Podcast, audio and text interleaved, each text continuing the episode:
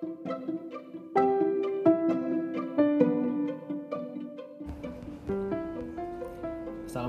warahmatullahi wabarakatuh. Selamat pagi dan salam sejahtera untuk kita semua.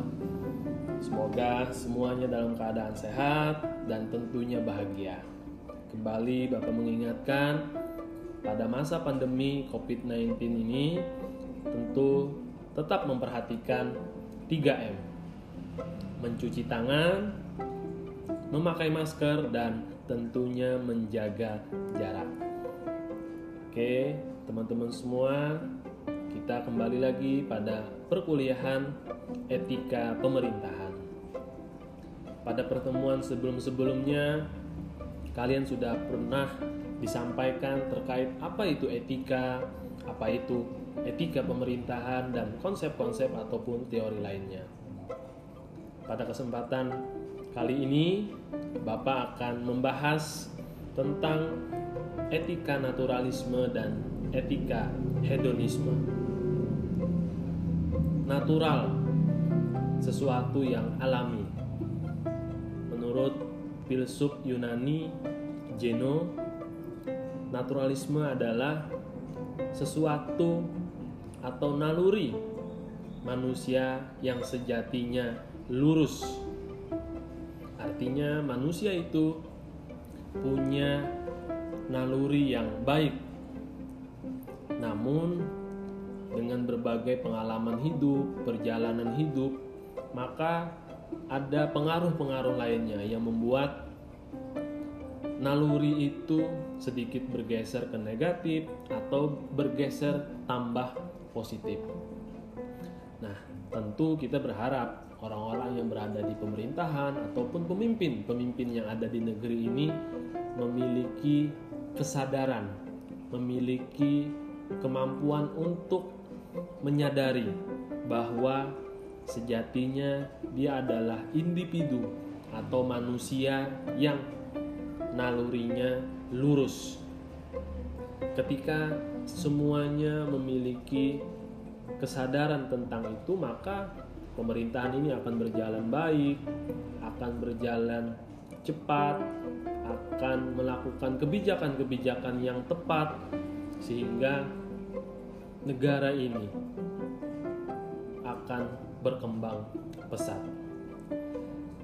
Contoh dalam naturalisme ini adalah ketika orang-orang di pemerintahan, ketika pemimpin-pemimpin yang ada di bangsa ini melakukan kekeliruan, melakukan kesalahan atau bertentangan dengan nalurinya itu seperti korupsi, nepotisme, kolusi, dan tindakan atau perilaku-perilaku negatif lainnya.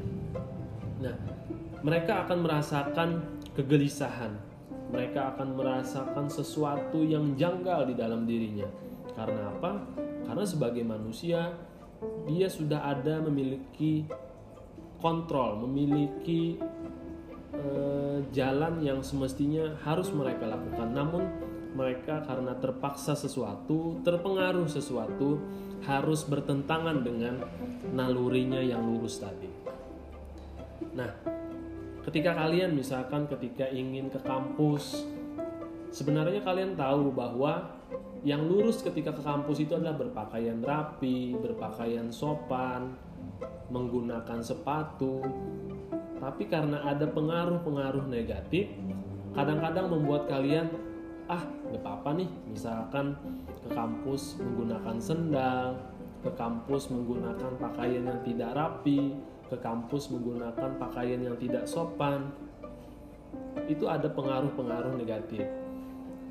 Apakah itu karena tren atau karena ingin apa gengsi-gengsian dengan teman sehingga membuat kalian menolak jalan yang lurus tadi. Dan pada akhirnya walaupun kalian menggunakan pakaian yang tidak sopan memaksakan itu kalian tetap merasakan kegelisahan merasa sesuatu yang janggal. Karena apa? Karena bertentangan dengan naluri tadi. Nah begitu pula di pemerintahan. Sebenarnya orang-orang yang melakukan hal-hal yang negatif itu mereka merasakan kegelisahan itu merasakan ketidaknyamanan itu Padahal pada prinsip etika naturalisme ini adalah bagaimana kita menemukan kebahagiaan sebagai individu. Nah, kita berharap tentu pemimpin, aparatur yang ada di pemerintahan itu memiliki tujuan tentang kebahagiaan yang sesungguhnya. Sehingga mereka terlepas dari godaan-godaan itu mereka bisa menjadi rem, menjadi kontrol bagi mereka agar tidak melakukan yang negatif tadi. Namun, ya tadi ada pengaruh-pengaruh yang kadang-kadang membuat kita tidak bisa mengontrolnya. Nah, sekarang ini yang dibutuhkan negara ini, yang dibutuhkan orang-orang di pemerintahan adalah kekuatan untuk sadar bahwa mereka sudah punya jalan yang lurus sejatinya. Nah, tinggal bagaimana iklim ini dibangun. Nah, tentu kalianlah penerus pemimpin masa depan harus menguatkan naluri kalian, menguatkan tekad kalian, menguatkan prinsip kalian. Maksudnya adalah ketika kalian ingin melakukan sesuatu, tentu kalian ingin mendapatkan kebahagiaan. Kebahagiaan yang sesungguhnya adalah kembali kepada naluri kalian tadi sebagai manusia. Nah, kita berharap di pemerintahan seperti itu. Selanjutnya adalah hedonisme. Epikuros menjelaskan bahwa hedonisme yang sesungguhnya adalah kenikmatan tanpa penderitaan. Bagaimana sih kenikmatan tanpa penderitaan? Atau semua kenikmatan itu bisa melahirkan penderitaan? Ya, selama ini hedonisme itu sering digunakan untuk orang-orang yang melakukan tindakan negatif. Hedon dalam hal obat-obatan, hedon dalam minuman keras, hedon melakukan korupsi, hedon melakukan tindakan-tindakan negatif lainnya. Padahal tegas Epikuros menjelaskan hedon yang sesungguhnya adalah candu terhadap hal-hal yang positif. Seperti apa? Kita mulai dari hal-hal yang kecil. Hedon senyum, hedon ramah, hedon melayani, hedon membantu, hedon bergotong royong, dan hedon-hedon perilaku positif lainnya. Ketika kalian misalkan di kampus, misalkan bersama teman, ngobrol ataupun berdiskusi ataupun bercengkrama kalian hedon senyum sopan santun. Hedon berbuat baik menolong kepada teman. Nah kita ingin di pemerintahan seperti itu juga ketika dalam hal pelayanan publik misalkan. Kita ingin aparatur itu candu memberikan senyum candu berperilaku ramah kepada semua masyarakat tanpa memperhatikan golongan. Apakah orang kaya, apakah orang miskin, apakah orang berpendidikan, apakah orang yang biasa-biasa saja, apakah orang desa, orang kota. Semuanya hedon tanpa meman tanpa memandang status sosial itu. Nah, ketika dia membatasi atau keluar dari zona hedonnya, maka dia juga akan merasakan kegelisahan, Contoh ketika orang candu obat-obatan misalkan. Ketika dia beberapa hari tidak mengkonsumsi obat-obatan, mereka kan akan merasa sakit, gelisah, dan hal-hal negatif lainnya. Sehingga untuk mengobati itu, dia kembali lagi mengkonsumsi obat-obatan.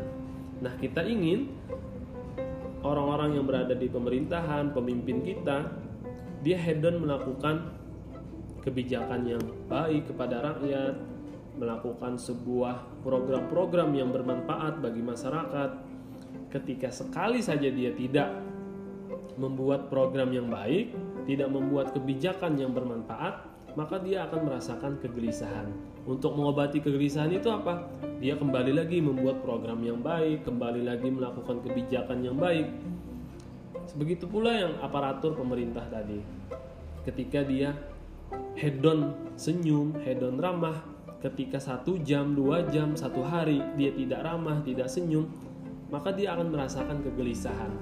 Lalu untuk mengobati kegelisahan itu, akhirnya dia memilih untuk berbuat senyum lagi, berbuat ramah lagi, melayani lagi, sopan lagi, tanpa memandang status sosial tadi. Nah, itulah yang kita harapkan di pemerintahan. Kita harapkan di seluruh, apakah itu juga dari tingkatan paling bawah sampai tingkatan paling atas. Ketika semuanya memiliki kesadaran tentang naturalisme dan hedonisme itu, maka kita yakin bangsa kita, daerah kita, kota kita, desa kita, RT kita pun juga akan berkembang pesat. Nah, dua prinsip tadi harus dilakukan oleh semuanya. Tidak bisa hanya sebagian saja. Mungkin misalkan hanya pemimpinnya saja hedon melakukan program baik tapi kalau di bawahnya tidak hedon maka program itu juga tidak akan berjalan baik. Begitu pula sebaliknya. Misalkan yang di bawah saja sadar yang di bawah saja hedon melakukan pelayanan terbaik tetapi di atasnya tidak maka juga itu akan tidak berjalan dengan maksimal ataupun optimal. Nah, mudah-mudahan nanti kalian setelah memahami ini bisa merefleksikan, bisa mengimplementasikannya di berbagai kegiatan karena pada dasarnya hedonisme dan naturalisme ini bisa kalian terapkan di mana saja. Apakah itu nanti di pemerintahan ataupun di luar pemerintahan. Sehingga energi-energi positif, energi-energi baik itu terus mengisi ruang-ruang yang ada di lingkungan kita. Dan akhirnya semakin banyak yang positif, tentu perubahannya juga akan positif dan juga akan berkembang dengan produktif. Oke, teman-teman semua, kita sudah membahas dua prinsip tadi yaitu naturalisme dan hedonisme. Untuk prinsip lainnya kita akan bahas di pertemuan selanjutnya. Semoga kita selalu diberikan kesehatan dan bisa bertemu lagi di perkuliahan berikutnya. Terima kasih atas perhatiannya. Sampai ketemu. Wabillahi taufiq wal hidayah. Wassalamualaikum warahmatullahi wabarakatuh.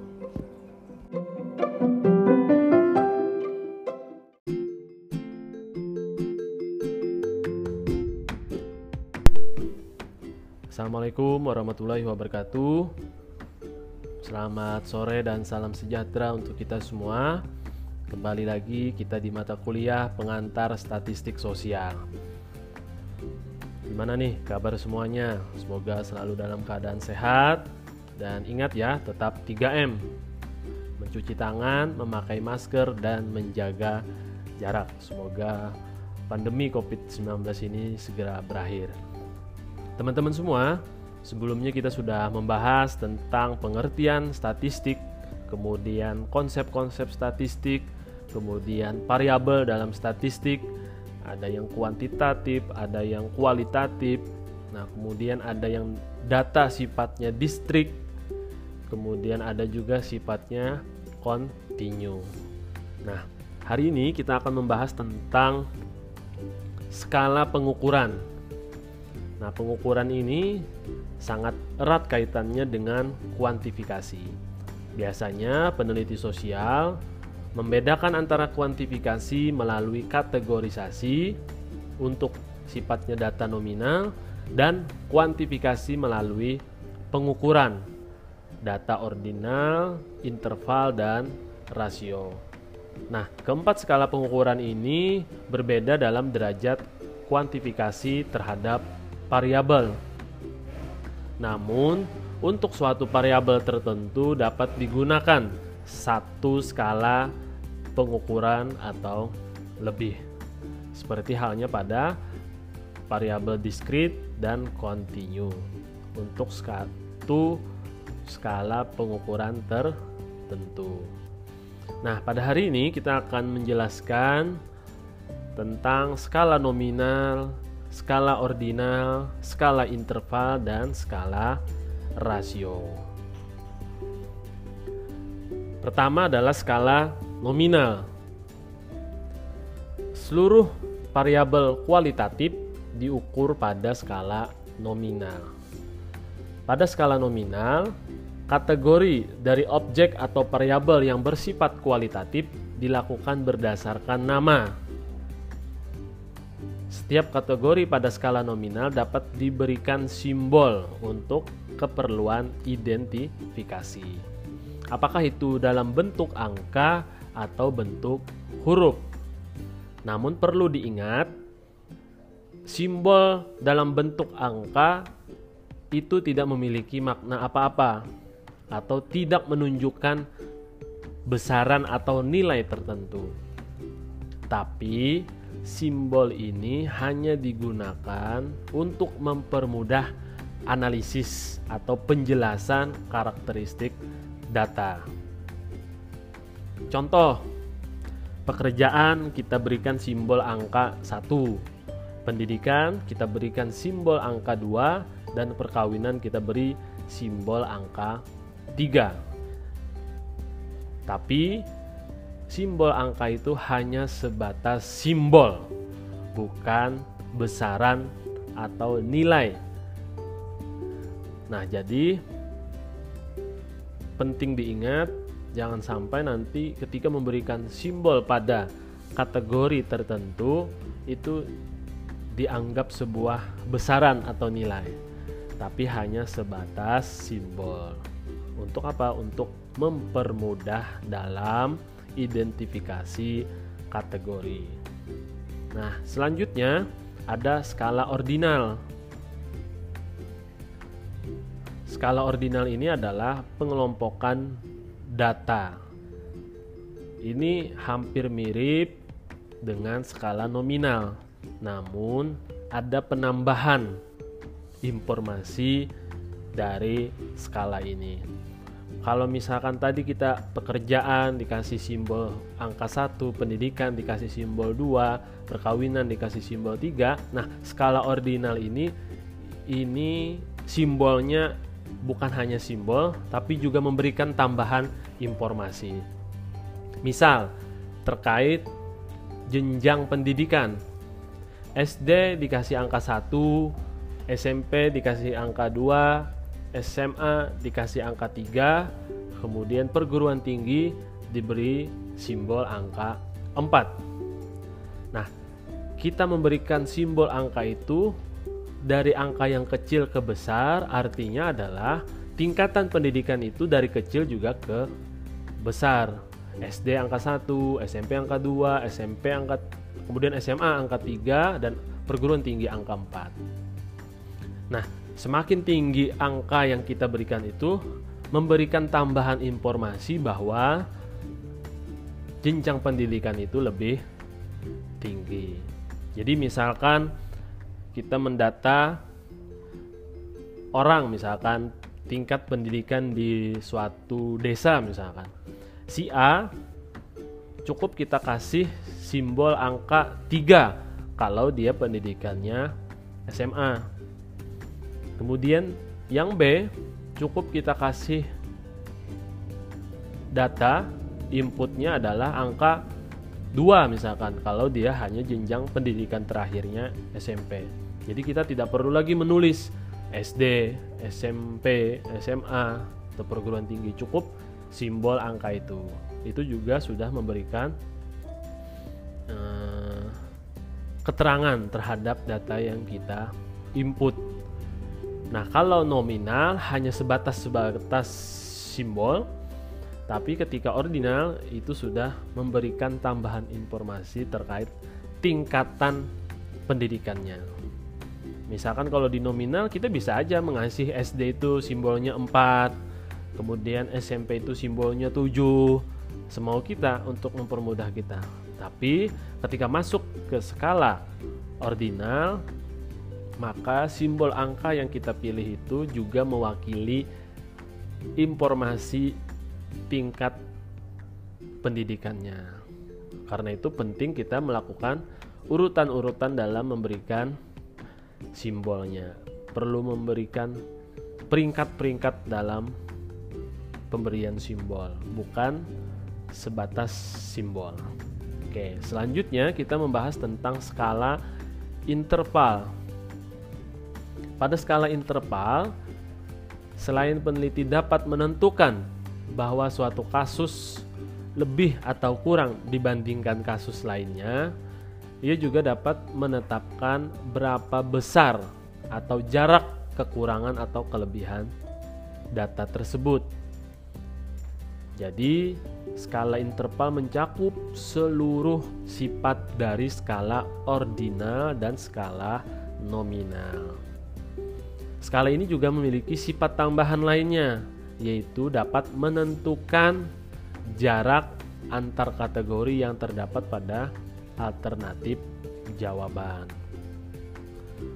Contoh skala interval dalam variabel suhu atau temperatur udara. Jika suhu udara, tertinggi hari ini mencapai 32 derajat Celcius, sedangkan kemarin hanya 29 derajat Celcius, kita tidak hanya mengatakan bahwa hari ini lebih panas dari kemarin, tapi juga secara pasti mengatakan bahwa hari ini lebih panas 3 derajat Celcius dari kemarin. Pada skala interval jarak antar unit pengukuran, misalnya derajat, selalu sama untuk setiap kategori yang tersedia di mana perbedaan jarak kategori antara kategori 24 dan 28 derajat Celcius sama dengan jarak antara skala 0 dan 4 derajat Celcius. Dengan demikian, peneliti menggunakan simbol angka, maka angka tersebut benar-benar memiliki arti karena angka tersebut mencerminkan adanya gejala yang dapat diukur. Nah, misalnya kemarin ada seribu pengunjung datang ke mall. Kemudian hari ini ada 1500 pengunjung yang datang ke mall.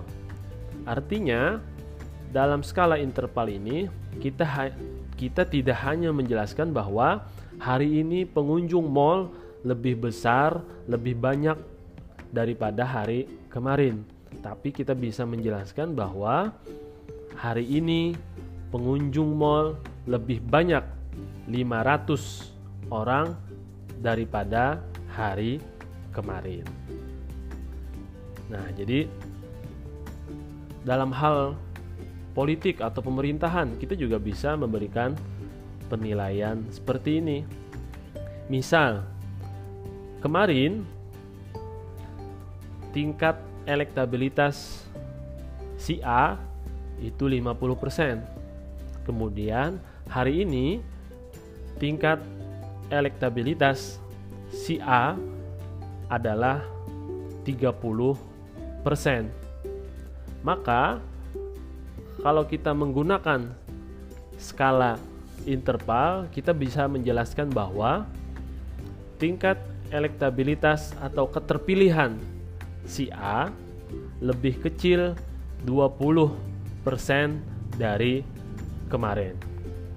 Atau bisa kita tambahkan lagi penjelasannya dengan menggunakan kata tingkat elektabilitas si A menurun 20% dari kemarin. Nah, itulah fungsi dari skala interval. Selanjutnya, kita membahas tentang skala rasio.